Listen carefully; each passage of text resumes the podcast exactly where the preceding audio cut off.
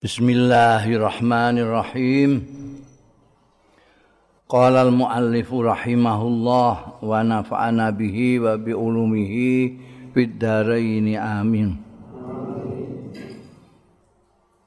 An Ibni Abbas radhiyallahu anhuma diriwayatake saking sahabat Abdullah bin Abbas radhiyallahu anhu manin nabiyyi saking Kanjeng Nabi sallallahu alaihi wa alihi wasallam. Kala ngendika sapa Kanjeng Nabi sallallahu alaihi wa alihi wasallam? Qala Allah Ta'ala dawuh sapa Gusti Allah Ta'ala. Ini hadis qudsi ya. Kanjeng Nabi menyampaikan dawuh Gusti Allah. Selain Quran itu kan. Hadis qudsi Dawe Gusti Allah kadzabani ibnu Adam. Gorohno ing ingsun. Sapa ibnu Adam? Putune Adam, anak Adam, manusa maksude. Walam yakun lahu lan ora ana lahu kedue ibnu Adam apa zalika mengkono mau. Sing diomongno, sing digorohno. Wasatamani. Lan misuwi sapa ibnu adam ing ingsun. Walam yakun lan ora ana lahu. Hae ibnu adam apa zalika mengkono-mengkono satam. Fa amma takdzibu ana dene anggone ngorohake ibnu adam. Iya ya ing iya ingsun. Fa za'ama. Mongko iku nganggep ya Ibnu Adam ani setuhune ingsun iku la akdiru ora mampu sapa ingsun an uidahu. Ing yen to balekake sapa ingsun hu ing Ibnu Adam kamakana kaya dene tinemu ya Ibnu Adam wa ammasatmuhu ana dene misuine ibnu adam iya yang ing yo ingsun faqauluhu mongko ucapane ibnu adam limarang ingsun li Lah pakaulu mongko ucapane Ibnu Adam li waladun. Ngono. Li ku kedue ingsun waladun anak iku padha karo misaya aku. Fasubhani mongko maha suci panjenengan ingsun an attakhidha sahibatan ento ngalap sapa ingsun sahibatan ing bojo awalatan utawa anak Oh, ini hadis kutsi ketika ake. Ada anak Adam manusia sing gorohna Gusti Allah taala. Ngelek-elek Gusti Allah taala. Sing gorohake iku sing ngarani nek kan Gusti Allah taala ora mampu mengembalikan mereka.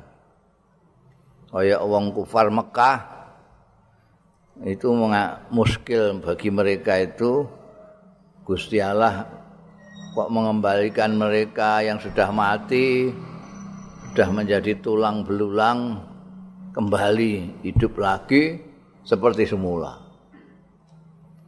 Begitu jenenge merendahkan Gusti Allah, ngorono Gusti Allah.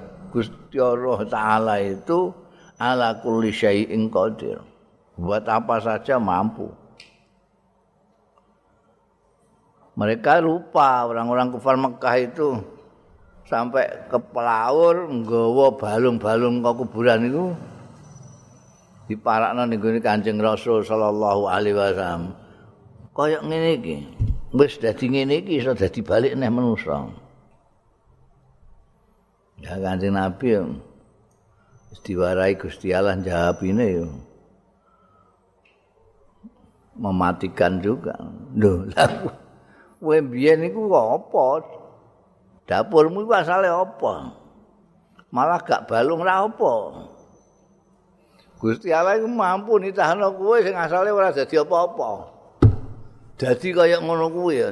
Lah balungmu gak iso balik kaya kowe iku piye? Biyen malah gak ana balunge blas kowe iku dadi. Nakal sehat nek puasa dadekno yang asalnya tidak ada jadi ada. Enggak pakai apa-apa. Paling pakai kayak air setetes itu. Nah, itu misalnya balume. Kalau gampang cara teori. Iku jenenge mendustakan Gusti Allah. Gusti Allah yang maha kuasa kok dianggap ra iso balen. Ngelek-ngelek Gusti Allah iku ngarani Gusti Allah duwe anak. Berarti dia juga nggak ngerti Gusti Allah itu. Disebut maha agung, maha besar, laisa kamisli syai'un. Kok dipadakno karo ndikne?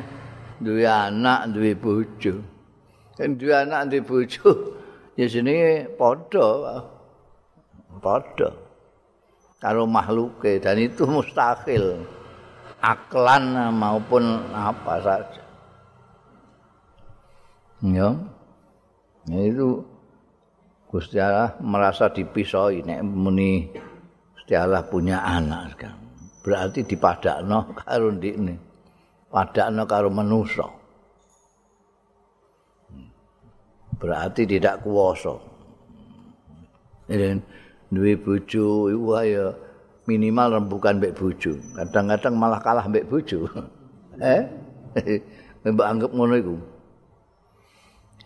Gusti Allah itu ahad. Lam yalid wa lam yulad. Subhanahu ayat takhidha sahibatan aw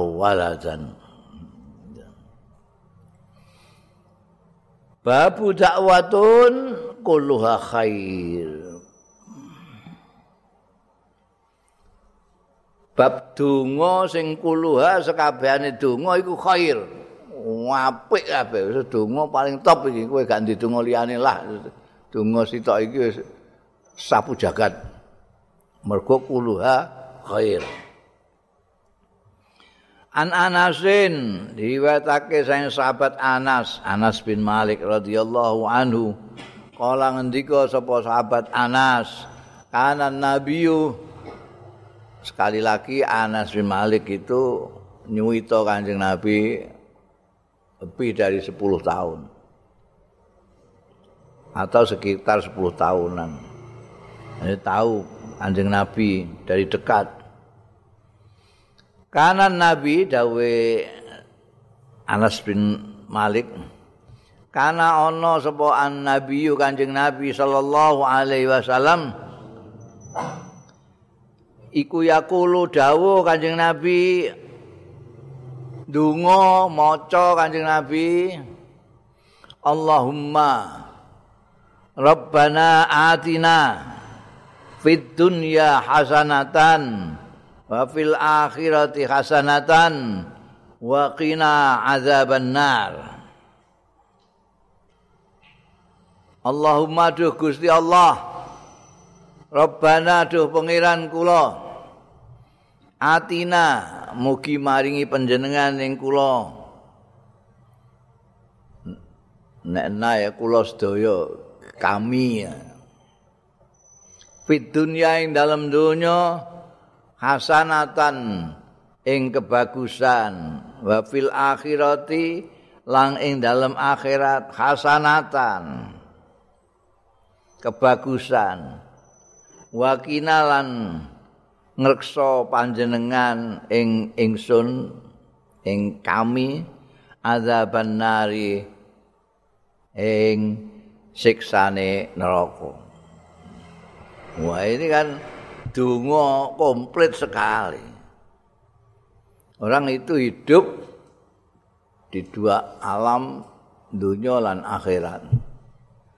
Nah, kamu minta Allahumma rabbana atina fid dunya hasanah wa fil akhirati hasanah.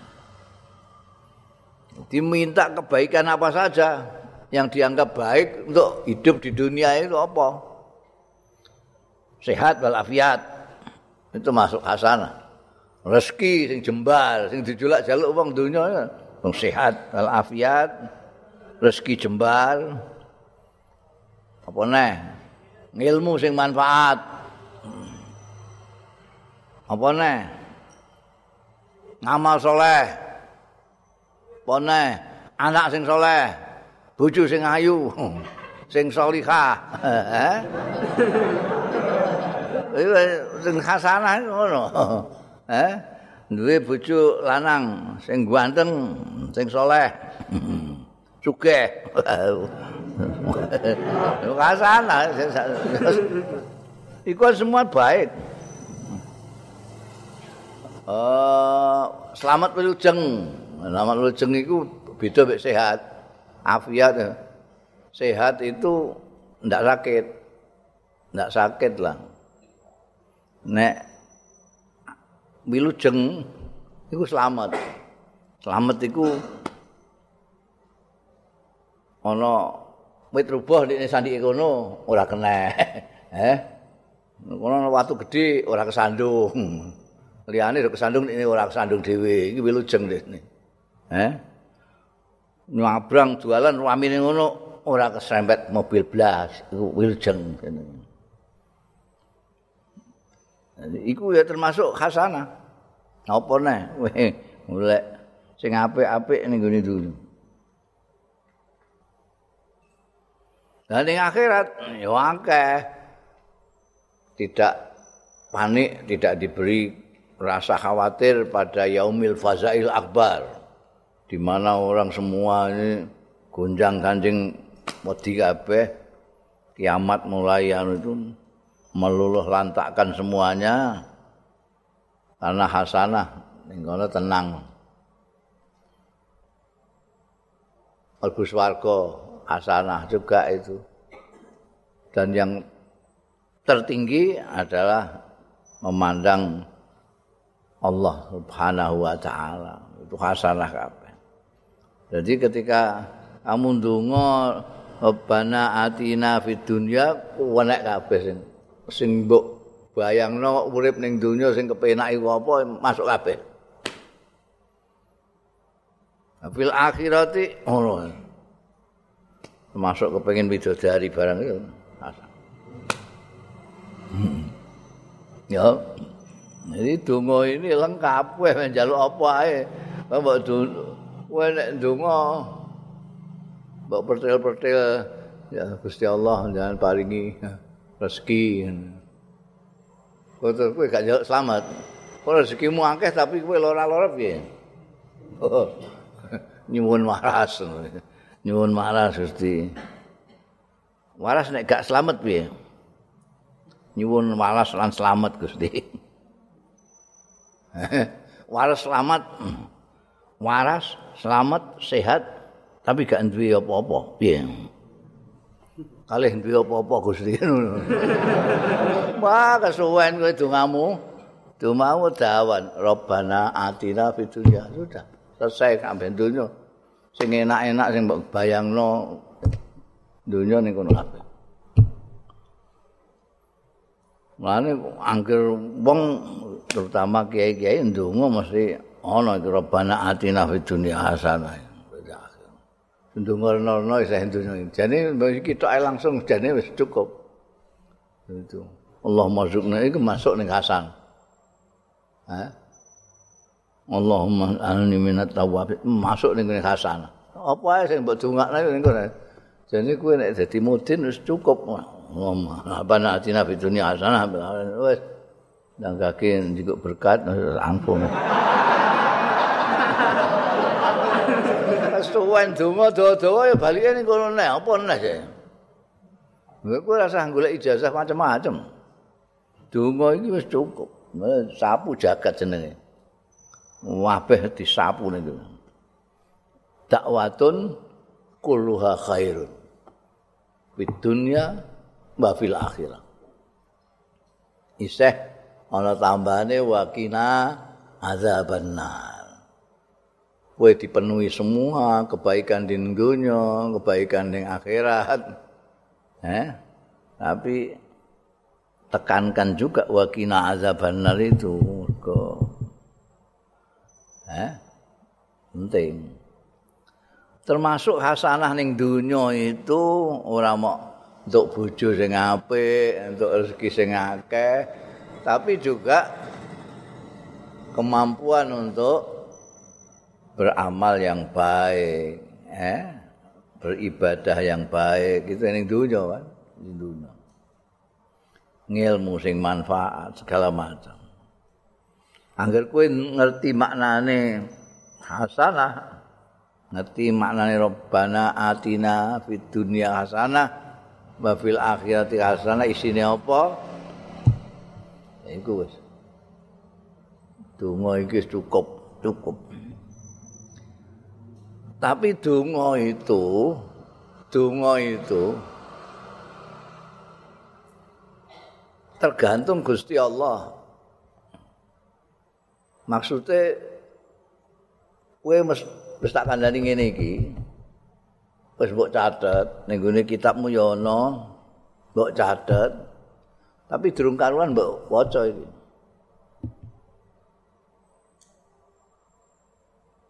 Bung karuan diwaca. Mungkin ana sing maca. Tapi ora mikir nek manane seluas itu. Malah ana sing maca ya anggere maca ngono ae. Umume wong do maca robana ati nabi dunya ya aku maca. Jadi bermacam-macam kersane Gusti Allah terhadap donga itu. Nek kowe kok ditakdirno ndongamu tenanan ngerti maknane iku njaluk dengan khusyuk tadarruk rabbana atina fid dunya hasanah. Ya mesti entuk sebab donga itu sing mbok jaluk rezeki kok kowe ndonga njaluk rezeki? Artine kowe dikersakno Gusti Allah untuk rezeki. Kowe tak ijazahi donga supaya duwe bojo sing mayu tapi takdire bojomu elek ya lali ora maca donga iku. Lali terus ae. Ya Allah, ngantek wis dadi nganten. Wis kabil tu nikah. Lah kok durung donga. Ayo. Mulane bojoku. Mulane bojoku kok ngene rupane.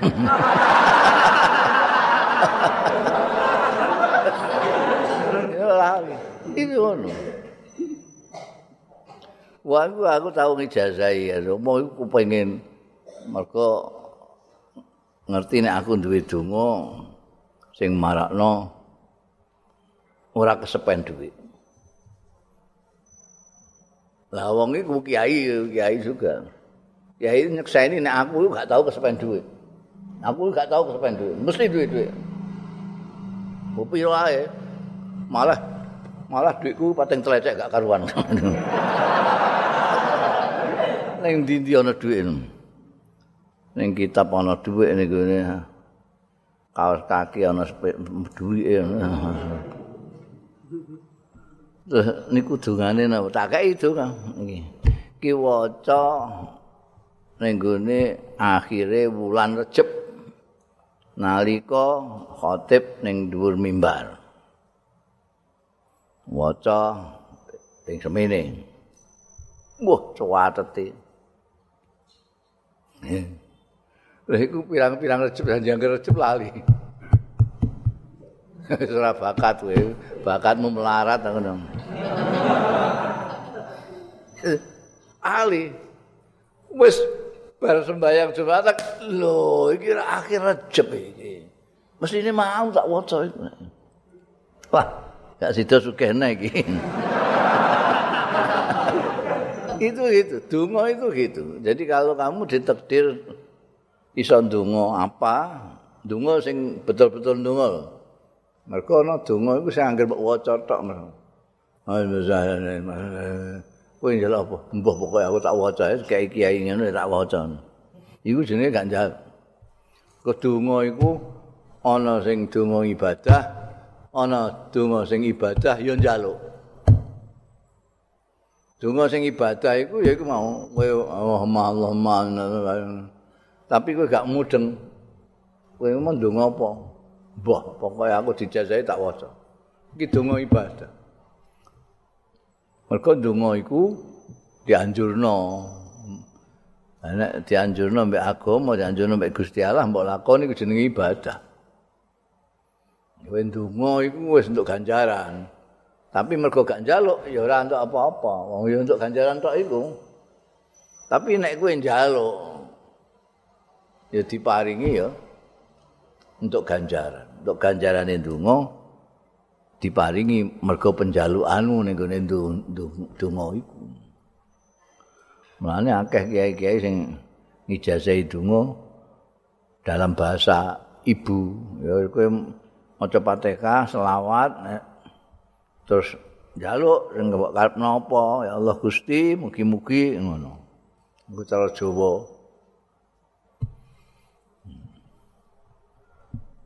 Iku mau tapi itu sesuai takdirmu. Takdirmu sugih. Dia yang ngerdungo ora tahu keliwatan harus ki akeh itu terus nek dasare pancen takdirno melarat ora tahu eling ya donga njaluk rezeki ku gak blas gak kelingan. Gak kelingan utawa ora iso. Windungane bangsa apa jenenge ngilmu sing manfaat sebab donga-donga sing macam-macam liyane oke ya. Jadi melarat terus. Ngalim melarat sama akeh. Mergo pancen gak tau ndonga sugih. Hmm. ya nah ini kita sebut supaya sarane anu? Ya iki sing paling enak ya iki. Paling enak donga sapu jagat iki. Iki kowe nek lali iki ya wis berarti ya nasibmu ngono wae nasib. Allah ba Rabbana atina fid dunya hasanah wa fil akhirati hasanah wa qina adzabannar.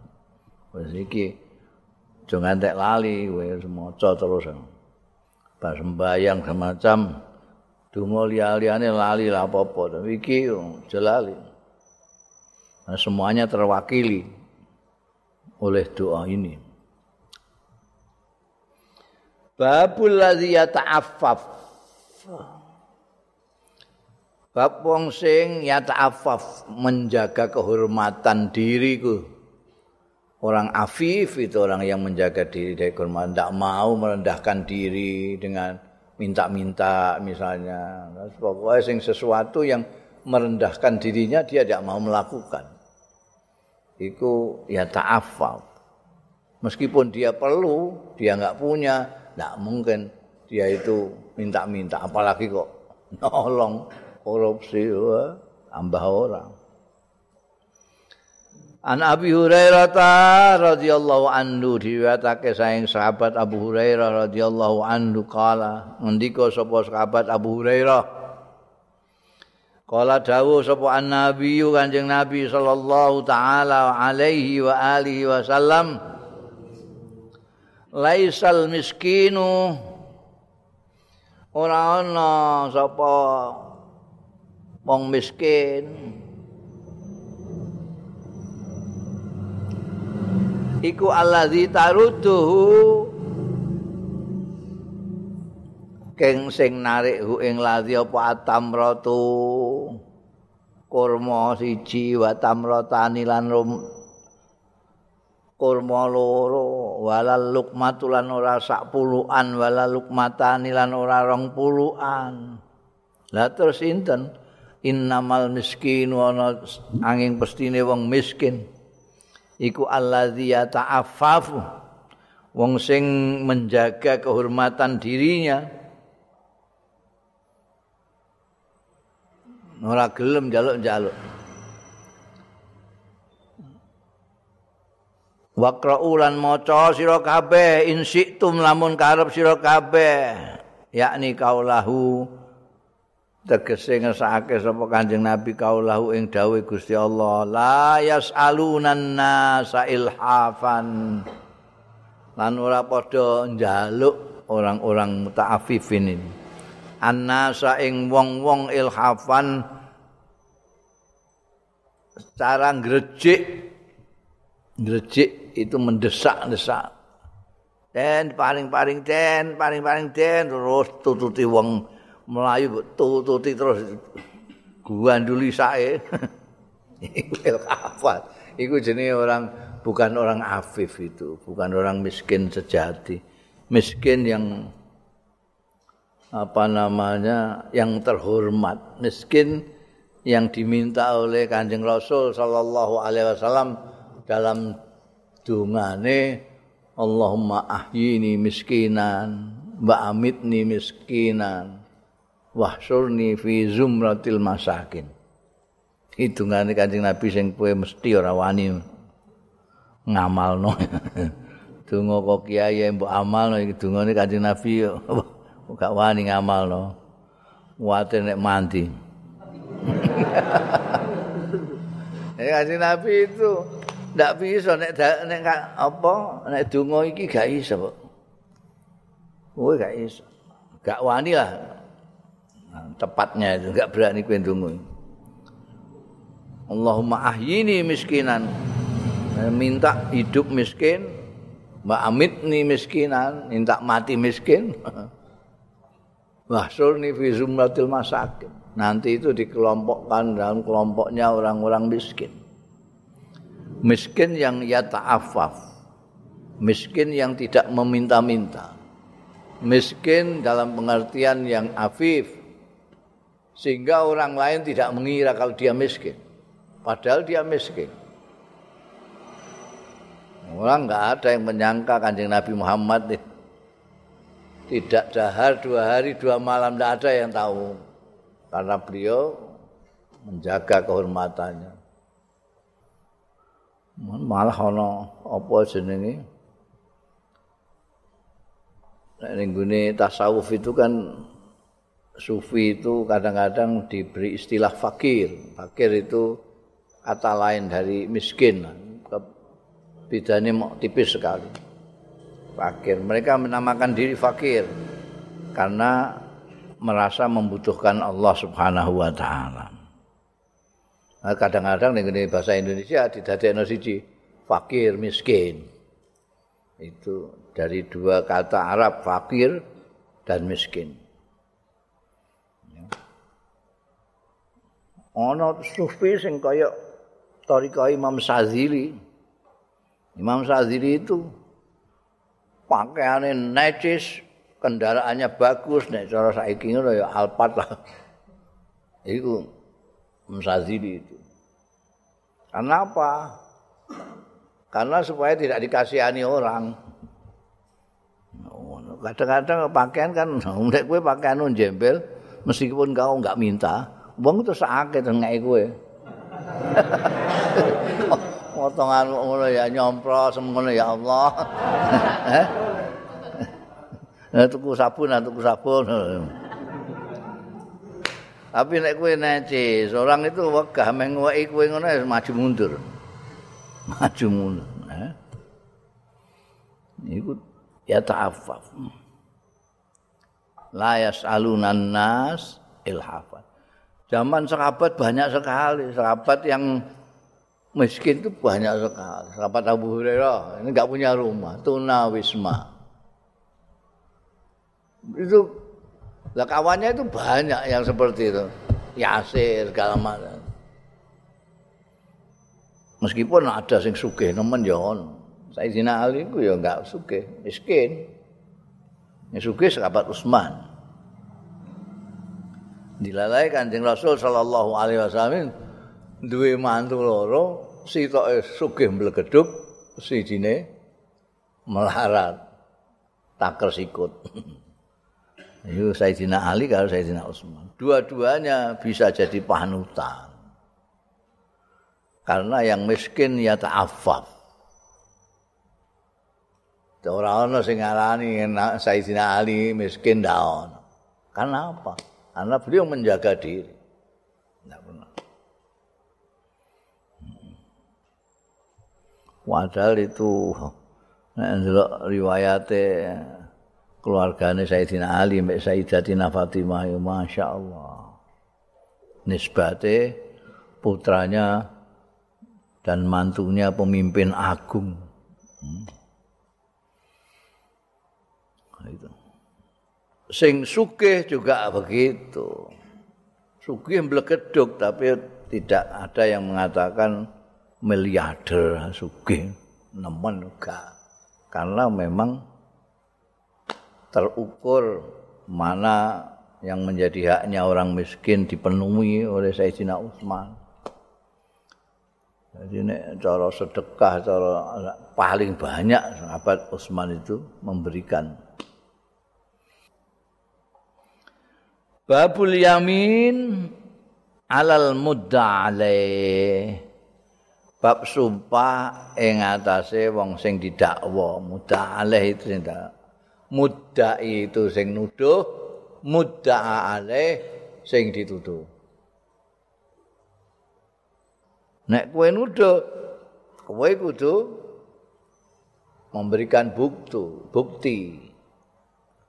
Al bayyinatu lil mudda'i wal yamin alal mudda'ale. Sing didakwa sumpah, sumpah aku gak. Sudah cukup, terbebas dia. Sing nuduh ini kalau tidak bisa memberikan bukti, dia dianggap salah. Mudda'ale yang dituduh, asal sumpah ya sudah terlepas dari tanggungan. An, an ibni Abi Mulaika saking ibnu Abi Mulaika anam ra'ata ini setuhune wong wedok loro. Kanata ana ya imra'atain iku takhruzani fi baitin. Takhruzani itu uh, apa ya? Nek kain anu iku dondomi nulang tapi ini tahruzan itu khusus untuk apa jenis kulit. Sepatu bangsa ngono. Itu lain. Ana mah jenis domi. Barang kan ora padha. Wong dondom-dondom pakaian baju itu nganggo kait. Itu dondomi biasa. Tapi nek kulit, sepatu, tas barang iku iku jenenge tahruzani. Ora tauhid tapi tahruzan. Tahruz itu apa ngono Jenenge apa?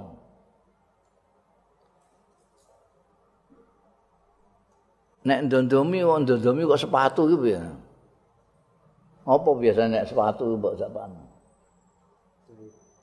jahit ya yang jahit kenal jahit jahit padahal jahit itu umum jahit itu iso jahit pakaian iso jahit sepatu ini gini Arab itu selalu ada pembedaan loh nah ini istilahnya ini nah ini istilahnya lain. Tuh itu itu ranggun jahit pakai benang biasa itu pakai jarum biasa. Nek tahrus itu menggunakan alat khusus itu sing apa? Dome gedhi tujusno ya kaya ngono kae iku mau jahit lah taharuzan jahit ya wis maknane taharuz wong ning kene ora ono sing perbedaan ya jahit ngono sing nek dondom-dondom ora pas. Jahit isih rada mengkek-mengkek. Jahit imra'ata ini mau fi baitin ing dalam suwijine omah, au fil hujrati utawa ing dalam suwijine kamar. Iku ya wong Arab itu sugih kosakata. Bangunan yang banyak, kemudian ada kamar-kamar yang ditinggali orang yang sekarang disebut apartemen, itu bahasa Arabnya bait. apartemen itu itu menghuni satu ruang di banyak ruang di gedung Saiki akeh ning Jakarta kota-kota besar ada itu. Istilahnya rumah susun itu. Rumahnya bukan semua ini rumahnya orang satu enggak. Rumahnya orang banyak. Sak kampung di situ semua. Bait bait bait. Rumahnya yang besar ini, gedungnya ini namanya dar. di dalam rumah bait itu apartemen itu ada kamar-kamar namanya hujrah atau hurfah ya. fi baitin au fi fil hujrah itu syakun minar rawi pendek kata ada dua orang di dalam ruang apa di ruang apartemen apa di ruang kamarnya apartemen di hujra. Dua orang asalnya di dalam fakharajat mongko metu sapa ikhdahuma salah sijine imra'atain.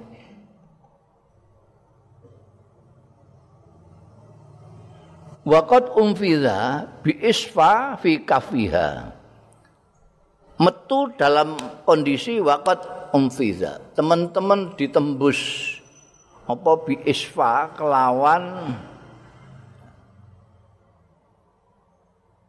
iki sing kaya jarum sing dienggo nujes iki nek ning gone jahite sepatu untuk jahit tas itu kan tidak jarum diginikan dah tapi ditujes jes es bolong lagi dileboni ya. ini yang isfa itu itu. Alat untuk apa? Untuk menjahit kain apa? Kulit itu. Iswa itu Bu Arani jarum ya gak benar karena itu bukan untuk kain bukan untuk anu dia hanya bong oh, gue gak tahu lah tukang anu sepatu ya itu nih kono kono apa sih dokter sepatu gitu gue delok ane kono kono Malburono nek kene sekolah, enggak. Kula ana tulisane dokter sepatu. Delok iki carane anu. Iku kan ditujes sik iku anune. Kulite ditujes. Nek bolong terus lagi dileboni. Itu ora trimo benang cilik iku ana gedhi kanggo khusus kanggo kulit. fi kafiha ing dalem epe-epe dahuma metu iku epe-epe iki tembus sampe niku alat iku mau mbok alani jarum ya kena tapi mbok kandakne jarum sepatu ngono ya jarum kulit istilah ya jarum sepatu ning kene. Ning epe-epe iki ana iku tembus. Dari sini ke sana. Nah, ning gone kamar mok wong loro tok. fadaat alal ukhra. Mongko nuduh nganggep ya ihdahuma alal ukhra ing atase liyane Lho iku tanganmu kena apa? Iki apa? Kancaku iki aku dipenekno mbek kancaku. Jadi dia nuduh kancane itu yang membuat dia tertusuk alat itu tadi. Isfa tadi itu. Jarum sepatu tadi. Farufi mongko ilabni Abbas mongko di wadulno di dilaporno ya. Kedadian iku mau ila ibni Abbasin maring sahabat ibnu Abbas radhiyallahu anhuma. Seorang apa namanya alim ahli jadi Faqala Ibnu Abbas mongko dawuh sapa Ibnu Abbas qala Rasulullah sallallahu alaihi wa alihi wasallam dawuh sapa Kanjeng Rasul sallallahu alaihi wa alihi wasallam lau yu'tan nasu bidakwahum kok lamun diparingi sapa annasu wong-wong bidakwahum sebab pengakuane nas la zahaba yakti ilang apa dimau kaumin apa getiye darahnya kaum wa amwaluhum lan banda-bandane kaum. Zakiruha ngelingno sira kabeh ha ing ihdahuma mau wong wedok mau billahi kelawan Gusti Allah kon eling Gusti Allah. Waqra'u lan macakno sira kabeh alaiha ing atase ihdahuma. Innal ladzina yastaruna bi ahdillahi wa aimanihim samanan qalila Kaca iku. Pacakno ning ngene ngarepe cah iku. Stune wong-wong sing padha ngijolake. Ya alladzina bi ahdillahi kelawan janjine Allah wa aimanihim. Lan sumpahe alladzina dijolno samanang kolilan kelawan rego sing sithik. Ulaika. Fadzakaruha mongko nutur sapa wong-wong ha ing ihdahuma. Pak Tarofat mongko ngaku ya ihdahuma. Faqala dawu sapa Ibnu Abbasin Abdullah bin Abbas nambahi keterangane kala Nabiyu ngendika sapa Kanjeng Nabi sallallahu alaihi wasallam al yaminu alal mudda alaih. Utahi sumpah iku ing atase wong sing dituduh. Ya. Ini satu menuduh kawannya yang menyebabkan dia tertusuk jarum sepatu ini